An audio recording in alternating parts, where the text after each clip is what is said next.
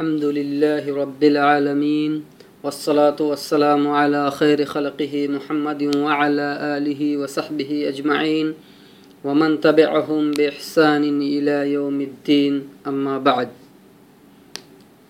उपस्थित भएका साथी भाइहरू र हाम्रा हाजी भाइहरू आजको यस अवसरमा म तपाईँहरूलाई हजका अर्कान र वाजिबातहरूको बारेमा बताउने छु मलाई आशा छ कि अल्लाह यसबाट हामी सबैलाई लाभान्वित हुने अवसर प्रदान गरून्। आमिन। हजका वाजिबात अनिवार्य कार्यहरू दुई प्रकारका छन्। एउटा त्यो थरी जसलाई नगरिकन हज हुँदैन। जसलाई अर्कान भनिन्छ। र अर्को, जसलाई नगरे पनि हज पूर्ण भइहाल्छ। त जुन वाजिबात यस्ता छन् कि त्यसलाई नगरिकन हज नै हुँदैन, त्यसलाई अर्कानुल हज हजका आधारहरू भनिन्छ। र ती यी हुन्। नम्बर एक, एहराम। अर्थात् हजको नियत गर्नु किनकि रसूल सल्लल्लाहु अलैहि वसल्लम को फरमान छ, प्रत्येक कार्य नियतमा नै निर्भर हुन्छ र मान्छेको लागि त्यो नै छ जसको त्यसले नियत गर्यो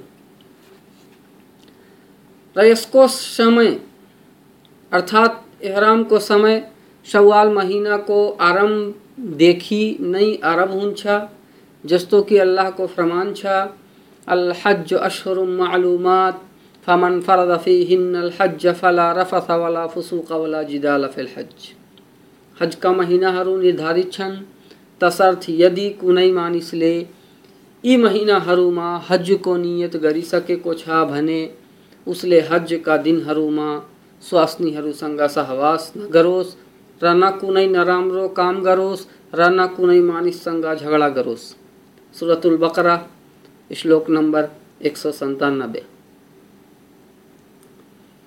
त यी महिनाहरूमध्ये सवाल प्रथम महिना हो, र अन्तिम महिना जिलहिज्जा हो। र एहरामको लागि पाँच स्थान मिकातहरू निर्धारित गरिएका छन्। जुलहुलैफा, र यसलाई अबियारे अली पनि भनिन्छ र यो मदिनावासीहरूको मिकात हो। अल जुहुफा यो राबिक निकट एउटा गाउँ हो जुन नष्ट भइसकेको छ यसर्थ त्यसको सट्टामा राबिगबाट नै एहराम लगाइन्छ र यो शामवासीहरूको मिकात हो यलमलम यो एउटा पर्वत अथवा यमनदेखि मक्का आउँदाखेरि एउटा स्थान हो। र यो यमनवासीहरूको लागि मिकात हो। र यसको अर्को नाम असादिया पनि हो।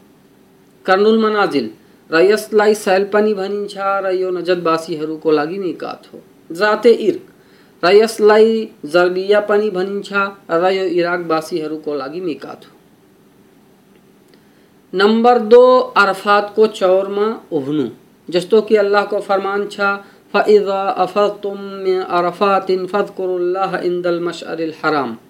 जब तिमीहरू अरफातबाट फर्कन्छौ, तब मशअरुल हराममा, मुजदलिफामा एक स्थान हो, जसलाई मशअरुल हराम भनिन्छ। त्यहाँ अल्लाहलाई स्मरण करा। सूरतुल बकरा, श्लोक नंबर एक सौ अंठानब्बे र नबी सल्लाह वसल्लमको फरमान छ, हज अरफा को दिन नै हो। यसर्थ जुन व्यक्ति पनि रात्रि रात्रिमा फज्र उदय हुनुभन्दा पहिला अरफातमा पुग्यो, त्यसको हज भयो। र यसको समय नौ जिलहिज्जाको दिन सूर्य ढले पश्चात आरंभ हुन्छ, र दस जिलहिज्जाको फज्र उदय हुनुसम्म बाँकी रहन्छ। किनकि रसूल सल्लल्लाहु अलैहि वसल्लम सूर्य ढलके पश्चात नै अरफातमा उभिएका थिए। र उहाँले भन्नुभएको छ कि जुन व्यक्ति पनि मुजदलिफाको रात्रिमा फजर उदय हुनुभन्दा पहिला यहाँ अर्थात् अरफातमा पुग्यो, त्यसको हज भयो। र यो पनि भनिएको छ कि यसको समय नौ जिलहिज्जाको फज्र उदय भए पश्चात आरंभ हुन्छ। र यसको स्थान अर्थात उभने स्थान अरफात को पूर्ण चौर हो, जस्तो कि रसूल सल्लल्लाहु अलैहि वसल्लम को फरमान छ, म यता उभेको छु, र अरफा को पूरा उभिने ठाउँ हो। नंबर तीन, बैतुल्लाह को तवाफ, परिक्रमा गर्नु। जस्तो कि अल्लाह को फरमान छ वलियतवफ़ु बिलबैतिल अतीक र अल्लाह को यस पुरातन घर को तवाफ गर्नु। सूरतुल हज, श्लोक नंबर उनतीस। रयस्ते रसूल सल्लल्लाहु अलैहि वसल्लम ले, हज़रत सफिया को बारे में भन्नु भयो, जब वहाँ लाई रजस्वला आएको थियो कि, के यसले रोकिहाल छे? त जब सीता भनियो कि, हे अल्लाह का रसूल, उनले रजस्वला आउनुभन्दा पहिला नै तवाफे इफाजा गरिसकेका थिइन्। त उहाँले भन्नुभयो यसो भए त्यो पनि जान सक्छे। त उहाँ सल्लल्लाहु अलैहि वसल्लम को यो कथन कि के यसले रोकिहाल छे, यस कुरामा प्रमाण हो कि तवाफे इफाजालाई गर्नु अति अनिवार्य छ। र यदि यसलाई नगरिकन कोही गयो भने त्यसको हज पूर्ण हुँदैन। र यदि यसलाई नगरिकन हज पूर्ण हुन्थ्यो भने रसूल सल्लल्लाहु अलैहि वसल्लम सफियाको बारेमा यस्तो भन्दैनथे त यसै कारण जब उहाँलाई यो खबर दियो कि हजरत सफियाले तवाफे इफाजा गरिसकेका छिन् त उहाँले भने त उहाँले भने कि उहाँ पनि जान सक्छिन् र यसको समय अर्फा र मुजदलिफामा उभे पश्चात आरब हुन्छ जस्तो कि अल्लाहको फरमान छ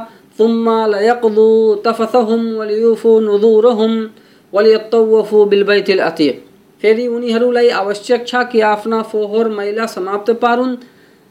र आफ्ना कबोल गरेका कुराहरू पुरा गरुन्। र अल्लाहको यस पुरातन घर को तवाफ करुन सुरतुल हज, श्लोक नम्बर उन्तिस। र अरफा एवं बसीकन हज को भाकल मन्नत र फोहोरलाई फालने कार्य पूर्ण हुँदैन नंबर चार, सफारा मरवा पर्वत बीच सही गर्नु। अर्थात त्यस बीच दौड्नु। जस्तो कि अल्लाहको फरमान छ इन सफ़ा वल मरवत मिन शाइरिल्लाह। निसंदेह सफ़ा र मरवा अल्लाह का निशानी मध्य का हुन्। सूरतुल बकरा, श्लोक नंबर एक सौ अट्ठावन। र इब्ने अब्बास को भनाई छ कि, अनि रसूलुल्लाह सल्लल्लाहु अलैहि वसल्लमले तरविया को दिन पश्चातको चास्टको समय, हज को लागि एहराम लगाउने आदेश करे अनि जब हामीहरूले हजका समस्त कार्यहरूलाई सम्पन्न गरे, त मक्का आए र बैतुल्लाहको तवाफ र सफ़ा एवं मरवाको सही गरे, त हाम्रो हज सम्पन्न भयो। र रसूल वसल्लम ने हज़रत आयशा रज़ी अल्लाह अन्हासित भन्नुभयो, सफ़ा र मरवा बीच गरिएको सही तिम्रो हज र उम्राको लागि पर्याप्त छ। र हज़रत आयशाको भनाइ छ कि कुनै मान्छेको हजलाई अल्लाह तबसम्म पूर्ण गर्दैनन् जबसम्म त्यो सफ़ा र मरवाको सही गर्दैन। र सहीको समय हो तवाफे इफाजा गरे पश्चात तर यदि यसलाई तवाफे इफाजा भन्दा पहिला नै गरियोस् तैपनि कुनै आपत्ति छैन। र यदि मान्छेले बिर्सेर वा अनभिज्ञताको कारण, यस सहीलाई पहिला गरेको छ, भने कुनै दोष छैन। किनकि जब रसुल सल्लाह वसलमसित एउटा मान्छेले प्रश्न गर्यो, कि हे अल्लाहको रसुल मैले तवाफभन्दा पहिला नै सही गरिहालेँ त उहाँ सल्लाह वसलमले भन्नुभयो तवाफ गरिहाल र तिमीमाथि कुनै आपत्ति छैन। त यी चार कार्यहरू, अर्थात् एहराम अरफामा उब्नु, तवाफे इफाजा र सफ़ा एवं मरवा कोसै यस्ता कार्यहरू हुन्, जसलाई नगरिकन हज सम्पन्न हुँदैन, पूर्ण हुँदैन। बरु हज भङ्ग भइहाल्छ रह्यो ती वाजिबातहरूको कुरो, जसलाई नगरे पनि हज पूर्ण भइहाल्छ र जसलाई मात्र पारिभाषिक तौरले वाजिबात भनिन्छ, यी हुन्। नम्बर एक, वैधानिक तौरले प्रमाणित निकातबाट एहराम लगाउनु। रसूल सल्लल्लाहु अलैहि वसल्लम को यस कथन बमोजिम मदीना बासी हरू जुलहुलैफा बाटा इहराम लगाउन्। पूर्ण हदीस। यस हदीस में खबर दिनु आदेशको हुकुममा छ किनकि अर्को हदीस जसलाई इब्ने उमर रज़ी अल्लाह अन्हुले वर्णन गरेका छन् जसमा यो वर्णन छ कि जब उहाँसित यो प्रश्न गरियो कि हामी कताबाट इहराम लगाउँ त उहाँले भन्नुभयो रसूल सल्लल्लाहु अलैहि वसल्लमले नजदवासीहरूको लागि कर्नुल मनाजिललाई एहराम लगाउने ठाउँ निर्धारित गरेका छन् नम्बर दो नौ जिलहिज्जाको दिन सूर्य अस्त नहुन्जेल अरफातको चौरमा उभी उभिराख्नु किनकि नबी सल्लल्लाहु अलैहि वसल्लम सूर्य अस्ताउनुसम्म यहाँ उभेका थिए। र उहाँ सल्लल्लाहु अलैहि वसल्लमको फरमान छ, हज गर्ने तरिका मसित सिकिहाल र यस कारण पनि किनकि सूर्य भन्दा अघि नै त्यहाँबाट निस्कनुमा अनभिज्ञ कालको अनुरूपता छ। किनकि अनभिज्ञ कालमा मानिसहरू सूर्य भन्दा अघि नै गइहाल्थे अर्थात् अरफातबाट गइहाल्थे नंबर तीन, कुर्बानी को रात्रि मुजदलिफा में व्यतीत गर्नु किनकि अल्लाह को फरमान छ फ़इदा अफज़तुम में अरफातिन फदकुरुल्लाह इंदल मशअरिल हराम। जब तिमीहरू अरफातबाट फर्कन छौ तब मशअरुल हराममा अल्लाहलाई स्मरण गर र यसको समय फजर नमाजसम्म छ। किनकि रसुल अलैहि वसल्लमले उर्वा बिन मुजसित भनेका थिए। जुन व्यक्ति पनि हामीसँग यस नमाजमा उपस्थित भयो र यतै रह्यो यहाँसम्म कि हामी यहाँबाट प्रस्थान गरे र यसभन्दा पहिला नै त्यो रात अथवा दिनको समयमा अर्फातमा पनि उभिसकेको छ, त त्यसको हज पूर्ण भयो।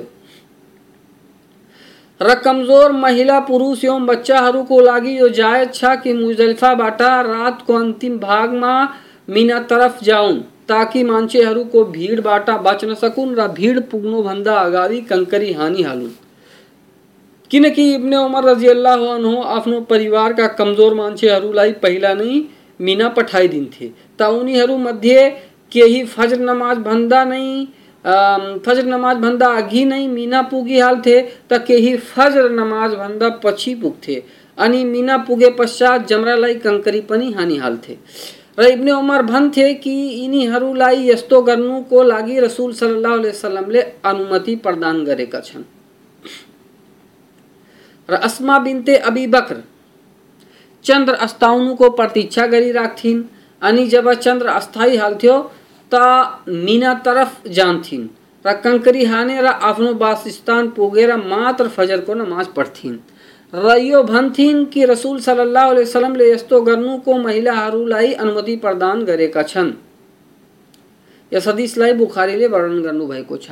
र पूर्ण मुजदलिफा विश्राम गर्ने ठाउँ हो र हाजीलाई यो आवश्यक छ कि त्यसको सीमाको पुष्टिकरण गरोस् ताकि त्यसको सीमा बाहिर विश्राम नगरोस्।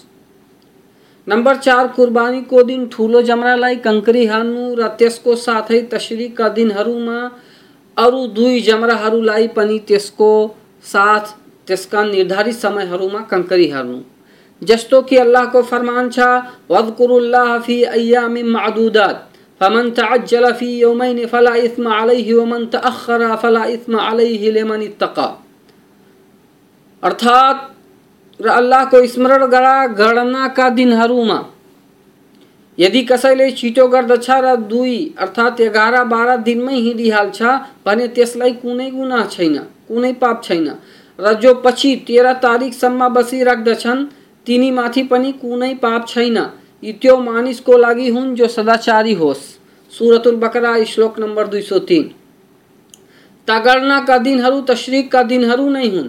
र जमरालाई कंकरी हान्नु अल्लाहको गुणगान गर्नु हो, जस्तो कि रसुल सल्लाह वसल्लमको फरमान छ बैतुल्लाहको तवाफ र सफ़ा मरवाको सही र जमरालाई कंकरी हान्नु अल्लाहको गुणगान गर्ने उद्देश्यले नै अनिवार्य गरिएका छन्।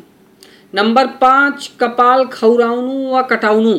पुरुष मान्छेको लागि कपाल खौराउनु वा कटाउनु, र महिलाको लागि मात्र केशलाई काट्नु। किनकि रसुल सल्लाह वसलमको फरमान छ महिलाहरूमाथि कपाल खौराउनु छैन। बरु उनीहरू आफ्नो कपाल काटुन्। नम्बर छ, ग्यारह र बाह्र जिल्हिज्जाको रात्रि मिनामा नै व्यतीत गर्नु जसलाई हतार छ र जसलाई विलम्ब गर्नु छ त्यसलाई ग्यारह बाह्र तेह्र जिल्हिज्जाको रात्रि मिनामा व्यतीत गर्नु किनकि रसुल सल्लाह वसलमले यी सबै रात्रिलाई मिनामा नै व्यतीत गर्नुभएको थियो। र उहाँ सल्लाह वसलमको फरमान छ, हज गर्ने तरिका मसित सिकिहाल र इब्ने उमरको वर्णन छ कि अब्बास बिन अब्दुल मुत्तलिब ले नबी सल्लल्लाहु अलैहि वसल्लम बाटा यो अनुमति माग्नुभयो कि उनी में व्यतीत गर्ने रात्रिहरूलाई में व्यतीत गरून् ताकि हाजीहरूलाई पानी खुवाउन सकुन्। तर रसुल सल्लाह ने उहाँलाई यस्तो गर्ने अनुमति प्रदान गरे। त रसुल सल्लाह अलैहि वसल्लमले उहाँ रज़ी अल्लाह अनहुलाई अनुमति प्रदान गर्नुले यो प्रमाणित गर्छ कि मिनामा रात्रि व्यतीत गर्नु वाजिब छ र बिना कुनै वैधानिक कारण यसलाई छाड्नु जायज़ छैन। तै छवटै कार्यहरू वाजिब अनिवार्य छन्, तर यसलाई नगरे पनि हज पूर्ण भइहाल्छ। तर विद्धहरूको कथन अनुसार जसले पनि यी कार्यहरूमध्ये कसैलाई त्याग छ त्यसमाथि फिदिया छ। अर्थात् एक बाख्रा जबा गर्नुपर्छ वा ऊँटको सातौँ भाग वा गाईको सातौँ भाग र जबा गर्नुपर्छ र मक्काका दरिद्रहरूमा वितरण र कुरो तवाफे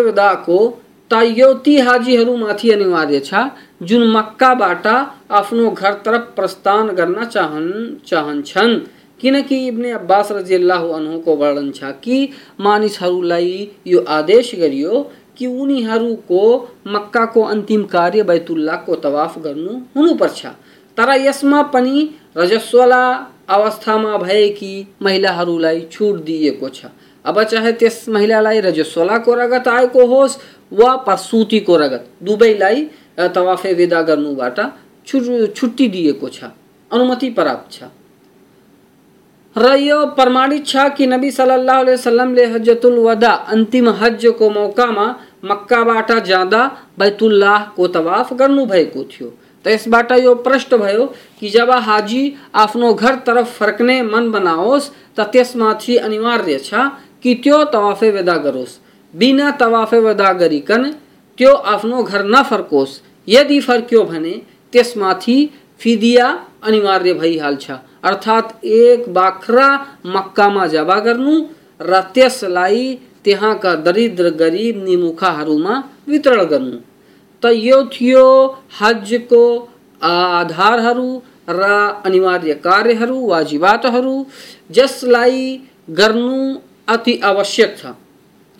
अब म अन्त्यमा अल्लाहसित यो प्रार्थना गर्दछु कि हे अल्लाह, हामी सबैलाई हजका समस्त कार्यहरूलाई राम्ररी गर्ने सुअवसर प्रदान गर, र हाम्रा हजहरूलाई कबुल गरी हामीहरूलाई यस मक्का नगरबाट यस मक्का सहरबाट उस्तै आफ्ना देशहरू तरफ़ फर्काऊ, जस्तो कि हामीहरू आफ्ना आमाको पेटबाट जन्मेका थिए। र हामीहरूलाई पाप मुक्त गरी स्वर्ग प्रदान गर। हे अल्लाह, तिमी अति कबूल करने वाला छौ। तिमी अति दयावान छौ। तिमी हामी सबैलाई क्षमादान गर्नेवाला छौ। आमिन। वाखरुद्दावाना अनिल हमदुलिल्लाहि रब्बिल आलमीन।